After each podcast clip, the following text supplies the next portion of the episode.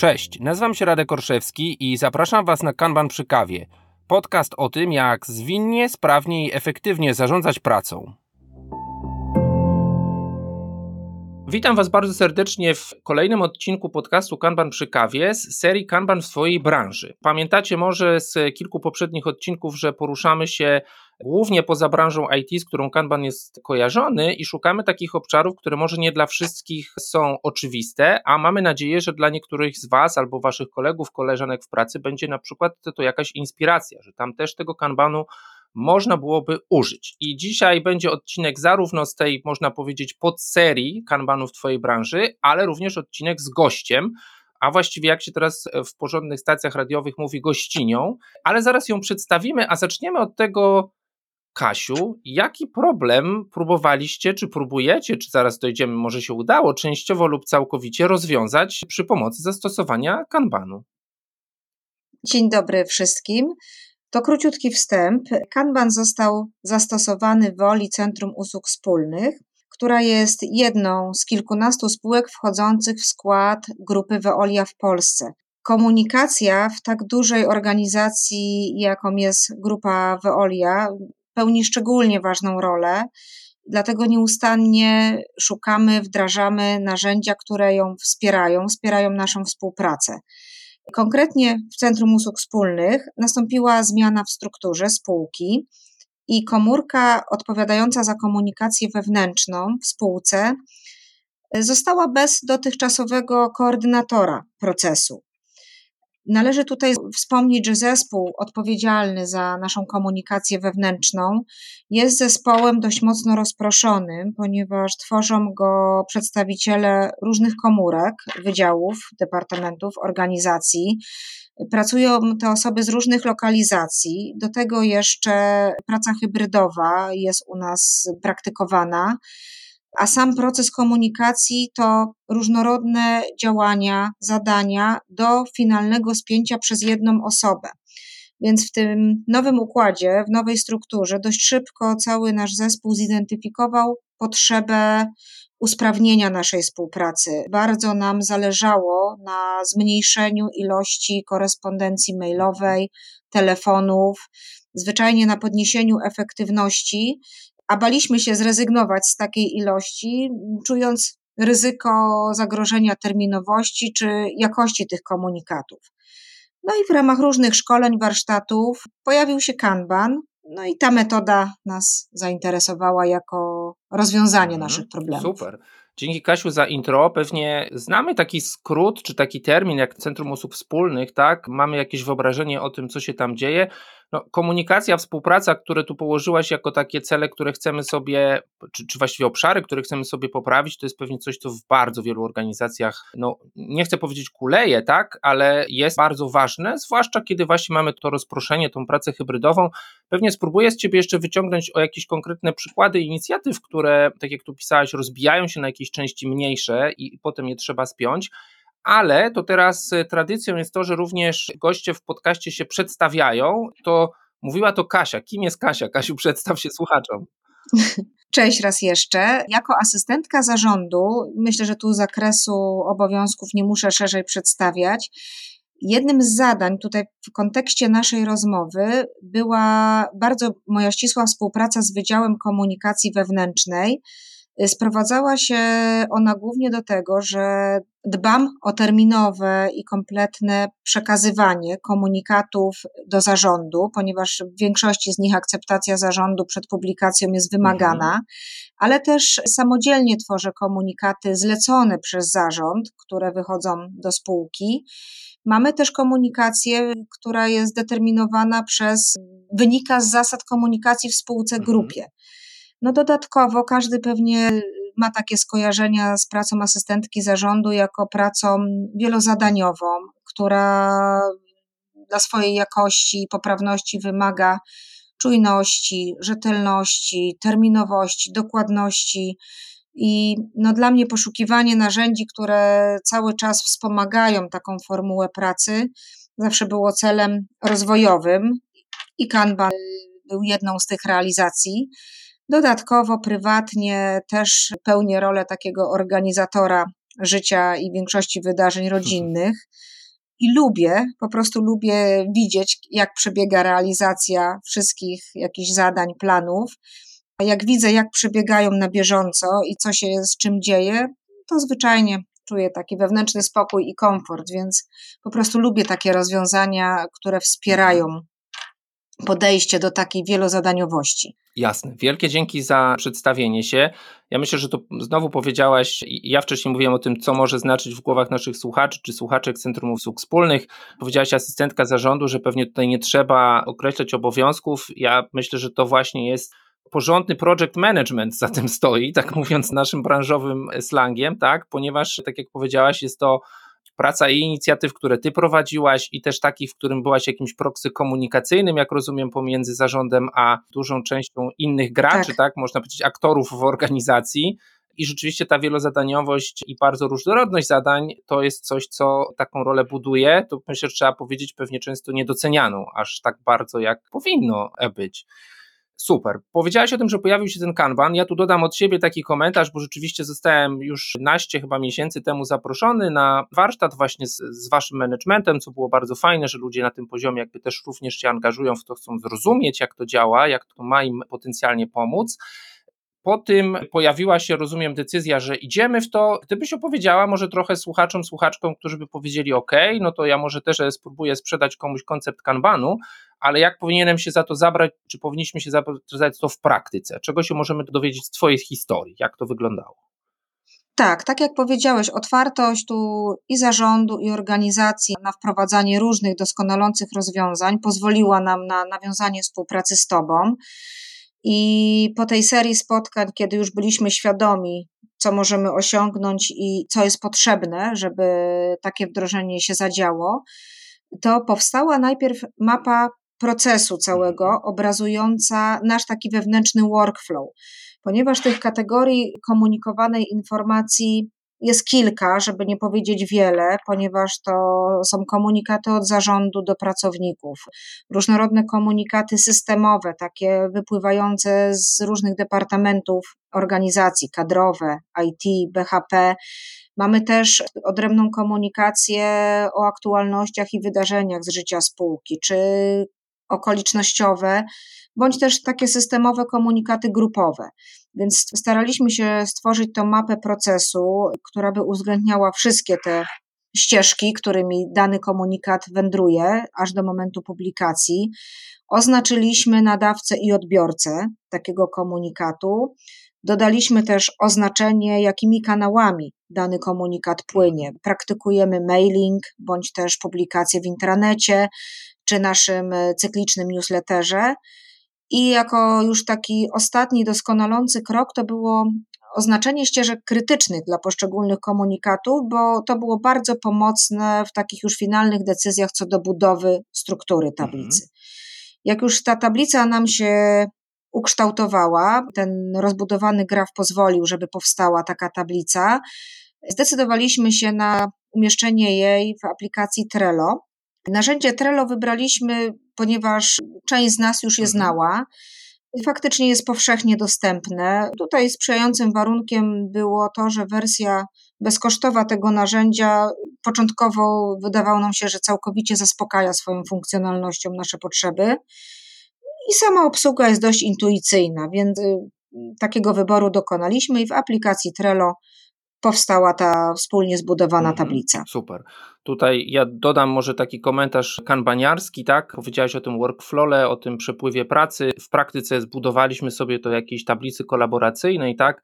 Określiliśmy to, co być może bardziej, że tak powiem, zdyscyplinowani, zaawansowani słuchacze podcastu będą kojarzyli jako właśnie usługi, jako klasy usług, a więc wprowadziliśmy to jakie wartości wy, czy właśnie jakich kanałów, jakich jednostek dostarczania tej informacji używacie, e, które właśnie stanowią jakieś wyróżnione jednostki, jeżeli chodzi o konieczność dotrzymania daty, tak, czy na przykład złożoność.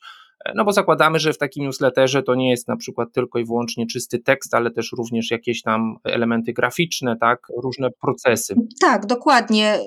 Tutaj Mogę, mogę mhm. może tylko tak przykład podać. Faktycznie na utworzenie y, komunikatu składa się y, kilka etapów. Jak wspomniałeś, to nie jest tylko tekst, to jest grafika, to jest jakiś tam poziom akceptacji, czasami zbieranie jeszcze informacji dodatkowych, które pojawiają się dopiero na jakimś etapie tworzenia tego komunikatu, więc faktycznie ta tablica kanbanowa oddawała tą mhm. etapowość, pozwalając na dołączanie i realizowanie swoich części zadań przez dedykowane osoby.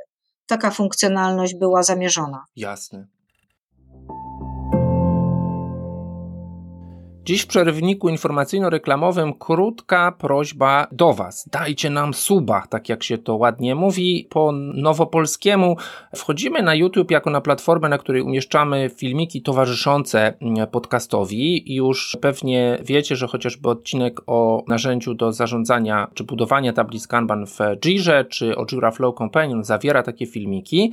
To nie jest jedyny format, który przewidujemy. Przewidujemy też publikację chociażby filmów, które są odpowiednie odpowiedzią, wizualizacją na Wasze pytania, również pytania dotyczące poprzednich odcinków. Wszystko to znajdziecie na YouTubie na kanale Kanbanu przy kawie o subskrypcję, którego Was prosimy. Jeśli więc szukacie, to albo otwórzcie YouTube'a i wpiszcie Kanban przy kawie, powinniście nas znaleźć, a link bezpośredni do kanału będzie też w opisie tekstowym do tego odcinka. Do zobaczenia, można tak powiedzieć.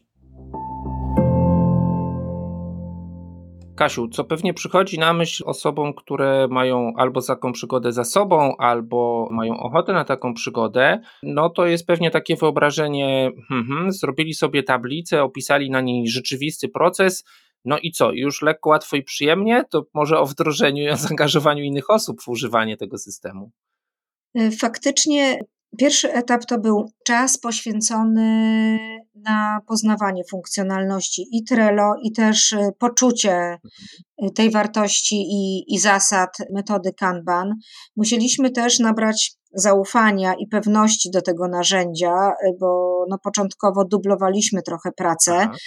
Wymagało chwili porzucenie dotychczasowych nawyków, gdzieś z boku funkcjonujących tabeli, list zadaniowych i można powiedzieć, że no początkowo pierwsze wrażenie było jednak większej pracochłonności, mhm. tak? Ten pierwszy etap wdrożenia. Ale z perspektywy czasu oceniam, że mniej więcej po dwóch miesiącach doczekaliśmy się wszyscy solidarnie pozytywnej oceny całego wdrożenia. Zespół przyznał, że wreszcie czuje korzyści. Mhm. Zgodnie doceniliśmy komfort pracy, jaki daje nam to narzędzie. Zgodziliśmy się, że się czujemy już całkowicie zaspokojeni tak informacyjnie, mhm. patrząc na ten zwizualizowany przepływ pracy. Każdy wiedział, gdzie, z czym, kto jest w danym momencie. Bardzo odczuwalnie spadła nam ilość wcześniejszej korespondencji mailowej, czatowej, kontaktów telefonicznych. Dodatkowo jeszcze uaktywnione takie powiadomienia mailowe mhm.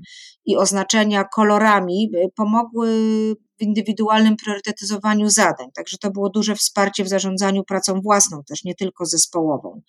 A taką wisienką na torcie było też to, że zarząd dołączył do nas, do zespołu tutaj komunikacji wewnętrznej w roli aktywnych członków tablicy co stanowiło kolejne usprawnienie, bowiem sam proces akceptacji został przyspieszony, a mnie jako asystentkę zarządu zwolniło to mhm.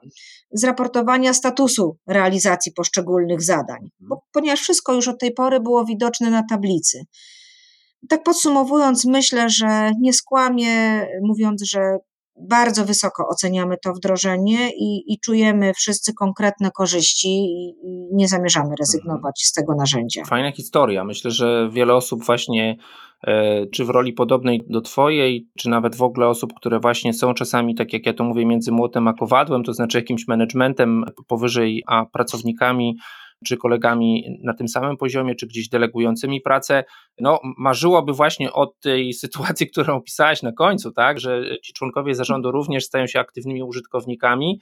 No i bardzo fajna historia właśnie powiedziałbym zdjęcia tego ciężaru komunikacji z ciebie, tak, bo jak sobie wyobrażamy tak, tu określasz asystentka zarządu, ale ja bym powiedział wielu project managerów, jest właściwie takim proksy komunikacyjnym, który przenosi tą informację i bardzo duży nacisk, czy bardzo duży właściwie, można powiedzieć, kawałek ich czasu, tak, zajmuje to właśnie raportowanie, statusowanie, wyciąganie tej informacji. Tak. Tutaj e, fajnie można powiedzieć, zapewniliście sobie taką transparencję tego systemu, z którego wszyscy korzystają.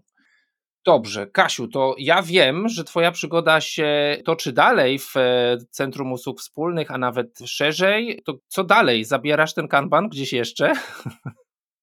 Tak, kanban jeszcze nawet w Centrum Usług Wspólnych doczekał się kolejnego wykorzystania i wdrożenia, ponieważ dostałam od zarządu zadanie przygotowania podobnej funkcjonalności w obszarze współpracy zarządu z zespołem N-1. Tutaj jest dosyć dużo, dużo analogii, mhm. ponieważ jest to również praca, w której gdzieś jestem pośrednikiem. To są zadania delegowane od zarządu do zespołu bezpośrednio podlegającego. Więc stworzyliśmy podobną tablicę. Również proces polegał na tym, że po jej drafcie zarząd i zespół ocenił, uzgodnił jakieś modyfikacje przed wdrożeniem. Na początku y, pierwsza porcja zadań to były takie zadania cykliczne z dłuższym terminem, ale mm, myślę, że to się dalej rozwija w tym kierunku, że tablica docelowo wyprze dotychczasowe jakieś kanały komunikacji angażujące bezpośrednio i ta wizualizacja pozwoli na przepływ tych zadań na tablicy bez organizowania nawet spotkań i może komunikacji mailowej czy telefonicznej. No już nie uczestniczę w tym procesie, ponieważ w trakcie rozwoju tego narzędzia opuściłam szeregi Centrum Usług Wspólnych, przechodząc do innej spółki w grupie Veolia. Wiem jednak, że to życie kanbanowe nadal się toczy z powodzeniem i jestem przekonana, że i ta druga tablica dojdzie do takiego poziomu doskonałości i będzie docenianym narzędziem. Natomiast ja z kanbanem zamierzam iść dalej. Aktualnie odpowiadam za biuro zarządzania projektami w grupie Veolia, także już tutaj jakby trafnie ten project mhm. management dotknąłeś. Na pewno nie zapomnę o kanbanie i jak tylko przystąpimy do rozwijania zwinnych metod zarządzania projektami, to bardzo bym chciała do tej metody wrócić a zdecydowanie chciałabym ją, ponieważ to jest zmiana niedawno, na pewno chciałabym Kanban wdrożyć do współpracy z zespołem PMO spółek, który jest jakby taką moją grupą najbliższych współpracowników, ponieważ też to jest zespół rozproszony. To są różne lokalizacje, każdy PMO pochodzi z innej spółki, nie mamy ze sobą bezpośredniego, codziennego kontaktu i zdecydowanie przyda nam się zmniejszenie ilości mailingu, spotkań, telefonów i te zadania, które możemy zwizualizować na tablicy, to bardzo usprawnią naszą pracę. Także ciąg dalszy nastąpi, zwłaszcza, że tak jak wspomniałam, w grupie Veolia ciągły rozwój, doskonalenie i usprawnianie to nasza codzienność, więc myślę, że Kanban wdrożony i wdrażany będzie popierał tą tezę. Świetnie, dzięki Kasiu. Podałaś dwa przykłady, tak? Tutaj właśnie można powiedzieć, jeszcze w Centrum Usług Wspólnych gdzieś rozumiem pojawił się taki głód czy zainteresowanie w stylu jeśli zadziałało tutaj, tak, dlaczego nie mielibyśmy skorzystać z tego gdzieś obok? Użyłaś tu może takiego skrótu tajemniczego dla niektórych tak. N-1, czyli rozumiem, że mówimy tutaj o takich rolach dyrektorów, tak, szefów obszarów, tak? Tak, tak, tak. To są bezpośredni podwładni raportujący do zarządu i zarządzający mhm. wydziałami, pionami okay. Poniżej w strukturze spółki. Jasne. No myślę, że to już będzie na pewno rozjaśniało wszystkim słuchaczom i słuchaczom, to, co to może znaczyć. A więc to też bardzo fajna sprawa, bo pojawia się ten kanban jako pewne narzędzie delegacji tak, pewnych zadań pomiędzy poziomami w organizacji. No i ja oczywiście z, z radością będę wysłuchiwał, czy będzie odcinek e, kanban w PMO, bo wiem, że tak też zdyscyplinowana i przekonana tego osoba, tutaj już mówię o naszej współpracy, tak, jak gdzieś tam mieliśmy sesję feedbacku dotyczącą tego, jak to zaprojektować, jak to zakomunikować, to jestem przekonany, że ten kanban jest tutaj w dobrych rękach, Kasiu, więc gratulacje i wielkie podziękowania za Twoją pracę tutaj.